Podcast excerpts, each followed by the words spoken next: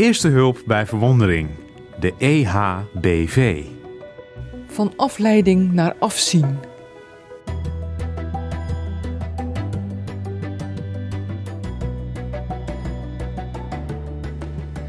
Wie ben je als je eens een tijdje stopt met wijn drinken of uitgaan of vliegen of roddelen of snoepen of wat dan ook? Wie ben je dan? Steeds meer mensen lijken in deze tijd voor Pasen te kiezen voor een vorm van vasten, van onthouding. Misschien doen ze dat wel uit nieuwsgierigheid, want wat blijft er van je over als je je aangekoekte gewoontes eens even onderbreekt? Best een goede vraag. Als we onze identiteit eens in twijfel trekken, het masker waarmee we ons persoontje zorgvuldig hebben opgebouwd is afzetten, komt er dan een blijvende essentie tevoorschijn? Of voelen we dan alleen maar eenzaamheid, zoals de anti-guru Krishnamurti zei? Suppose I'm very lonely. Volgens hem is bijna alles wat we doen afleiding, zelfs naar de kerk gaan. Lonely, though I'm married, children, go to the office, go to the temple, and all that nonsense that goes on. I'm utterly, profoundly lonely. As long as there is self centered activity, there must be loneliness.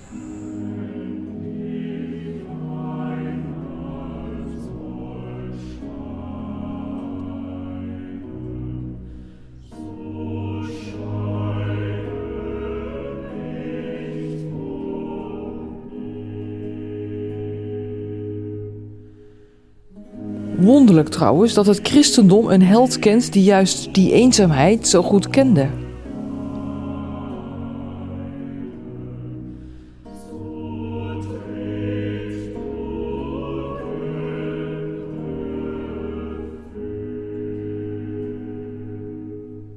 De afgelopen tijd heb ik ook wat identiteitjes afgelegd.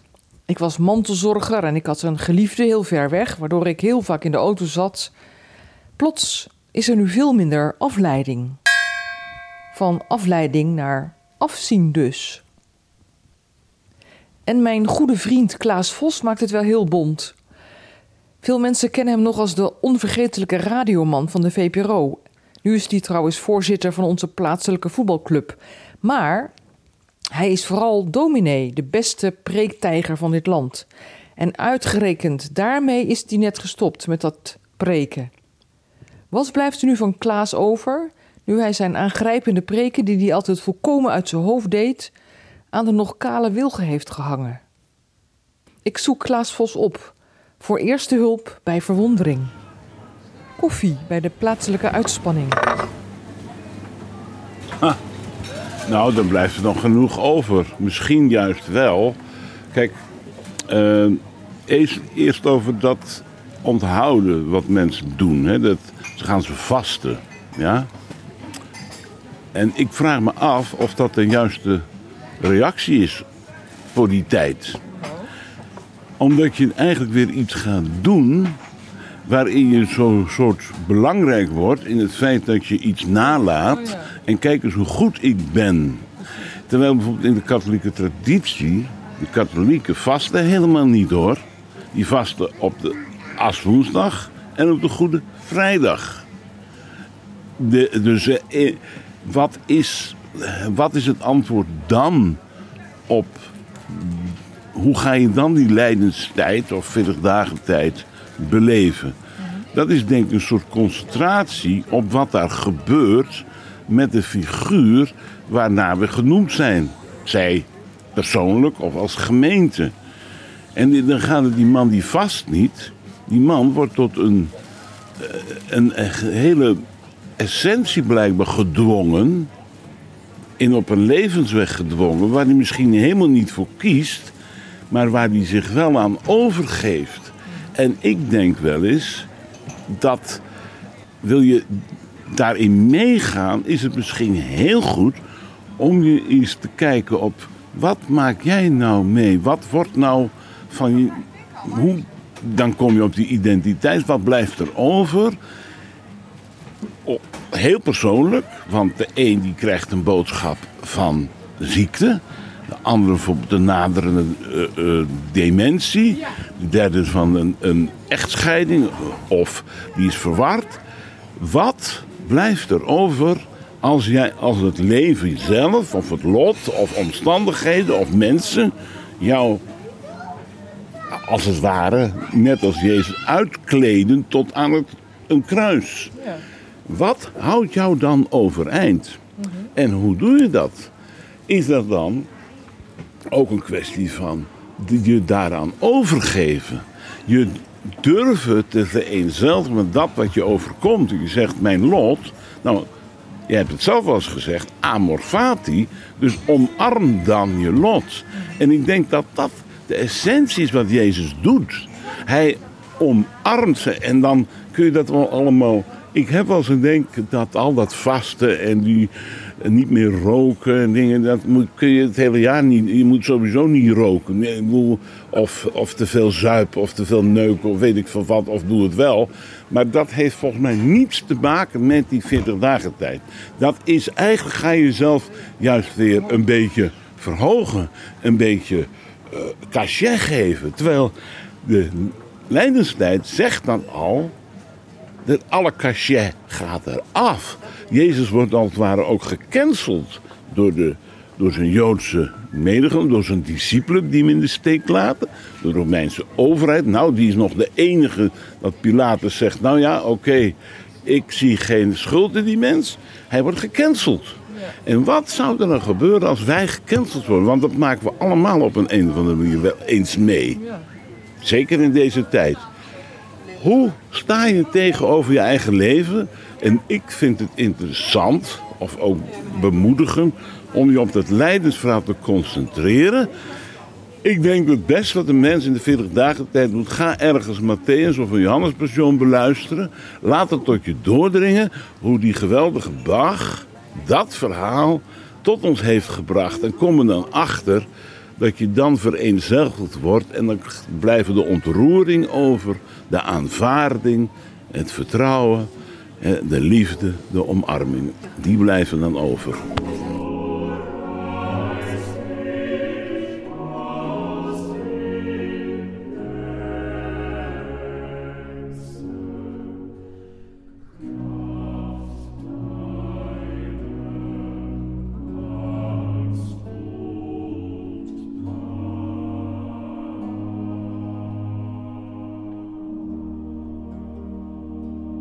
En het is wel wonderlijk dat, dat jij in dienst bent van een, de enige godsdienst op aarde waar de God gecanceld wordt. Ja, eigenlijk wel, ja. ja. ja dat is, en daarom is het ook geen religie. Kijk, religie, wat is nou religie? Is eigenlijk toch een upgrade van de mens. Namelijk tot hoger status. En ik denk wel eens dat het Bijbels geloof betekent dat je eerst wat atheïst wordt. Namelijk dat je alle goden wegdoet. Dat je die upgrading laat vallen. Je bent puur alleen mens. En dan kom je op het gelijke, want, gelijke vlak van Jezus. Want die is mens geworden, niet, die is geen religie geworden. Jezus, God is mens geworden. Ja. En als hij dan zegt, en nou wij ook nog, betekent het dat je je juist moet ontdoen van al die upgraden en mooi maken en weet ik veel, make-up van je bestaan. Je zegt, wie ben ik nou eigenlijk? Ik ben in wezen ook gewoon eigenlijk ook een, iemand die het niet weet, die verkeerde keuzes maakt en die blij is als er een leuke dag is. En dat mag je ook aanvaarden, natuurlijk. Dan kom je op een. Wij moeten bescheidener worden. Ja. Maar jij bent zo'n geweldige predikheer. En we hebben eigenlijk zo nodig wat jij nu zegt. Is het dan niet heel smartelijk om je vak te laten vallen? Ja. Want je hebt besloten onlangs dat je niet meer preken gaat. Nee, ze, voorlopig. Omdat ik, het, omdat ik misschien wel ook om diezelfde reden. Omdat het voor mij een, ook een. Uh, ik, kijk, het gevaar van de prediker is, zeker als je het goed kan, is de ijdelheid. en is uh, dat je denkt, jongen, wat ben ik uh, geweldig, hè? En, maar daar heb ik ook last van. Want je krijgt die lof toegezwaaid. En eigenlijk kan ik de één helemaal niet zo goed, maar vind ik het allemaal zo lastig. Aan de andere kant ben ik er wel gevoelig voor, een man alleen, die dan dus. Dat is één. Maar ook, het is wel. als je het goed wilt doen, en dat wilde ik, is gewoon zwaar. Ehm, je moet iets brengen. Het is niet een verhaaltje.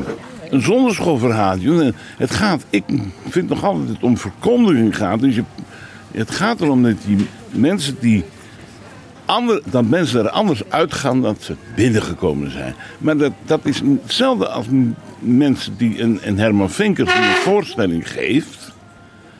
Dat is ook zwaar, denk ik, want die is doodmoe na, na afloop. Die wil iets meegeven wat je anders zou missen, waar je wat aan hebt als luisteraar.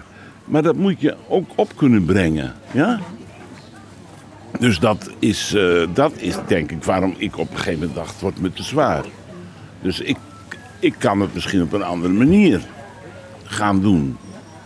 Maar eh, het wordt me te zwaar is wel iets heel anders dan eh, word ik niet ijdel. Ja, maar dat hoort daarbij. Die ehm, ijdelheid is een, eh, ijdelheid is een, is een last. Is meer een last dan een lust. Dat durf ik je wel te zeggen. Ja, ijdelheid is meer een last dan een Maar lust. jij vindt jezelf ijdel. Ja, ieder, ja, ik denk iedereen die in de openbaarheid treedt, die heeft, dat, dat, dat heeft zeker ijdelheid. Je kunt, heb je dat niet, je kunt ook verschrikkelijk moe van jezelf worden. Dat je, daar gaan we weer. Bovendien heb ik natuurlijk geen eigen gemeente meer. Je was overal nergens, dus je krijgt ook niet soort binding. Ja. En eh, dat lijkt me ook het erge van al die theatermensen. Moeten ze het hele land door en dan weer daar, dan weer daar. Ik ook dat eenzaam. ja, ook eens. Ook eens. En denken op de duur zou ik nog denken, pff, ik heb het wel gezien. Dat, ook, dat, dat heeft niks te maken met de kwaliteit. En ook niet te maken met dat je het fijn vindt. Maar op een gegeven moment is een grens bereikt. Willem Barnard had dat heel erg sterk. Die was op een gegeven moment wel klaar mee. En zeker omdat het om geloofsvragen gaat, die zijn zwaarder. Omdat het namelijk om iets gaat wat eigenlijk boven je pet gaat. Wat boven je verstand gaat. Wat onbegrijpelijk is. Waarvan de vragen die de mens jou stellen ook jouw vragen zijn. Hoe zit het dan met die God, met aardbevingen en dingen. En dat, dat, op een gegeven moment weet ik dat niet meer. Ja, maar, da- maar, dat is, zwaar. nee, maar dat is nou juist de ironie. Jij bent een van de weinige mensen op een preekstoel die weet dat het boven zijn pet gaat. En daarom is het zo goed. Ja, maar ja. eh, Maar, en dus ook zwaar Maar goed, ik heb Ja. het nu even. gehad. Ik heb die togen even opgehangen Ja. aan de spreekwoordelijke wilgen. Maar, en hoe voelt, hoe voelt dat? Ik vind het fijn. Ik heb die zaterdagen nu. Zaterdag heb ik heel gevuld door het voetbal. Als voorzitter SV Huizen. En, en, en dat vraagt ook veel energie. Dat vind ik heel erg leuk om te doen.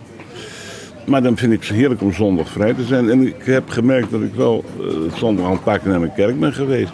Ben ik nieuwsgierig naar hoe anderen het doen. Nou ja, met Pasen doe ik het dan nog één keer in de Wilhelminakerk. Dus als mensen het nog willen horen, ga allemaal naar de Paaskerk. Naar de Wilhelminakerk in Utrecht om half tien met Pasen. Ha, Kijk, eh, dat het een periode is van een soort extra contemplatie, bezinning. Dat tot daar aan toe. Maar dan gaan we er opeens weer optuigen. We worden opeens van die. Ja. Van die dat, dat staat me trouwens toch tegen in die kerk. Dat. Dat. Dat. dat Voor de prestatie, hè? Dat presta. Ja, het- eh, het is clubjes en. En, en, en, en knutselen en, en weet ik veel.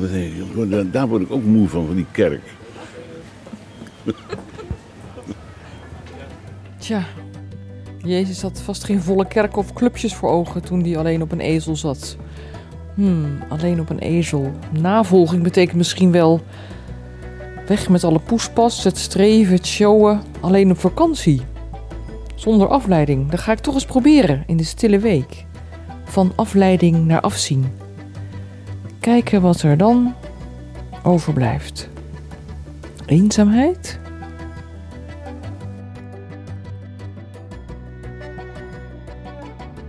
wordt ongetwijfeld vervolgd.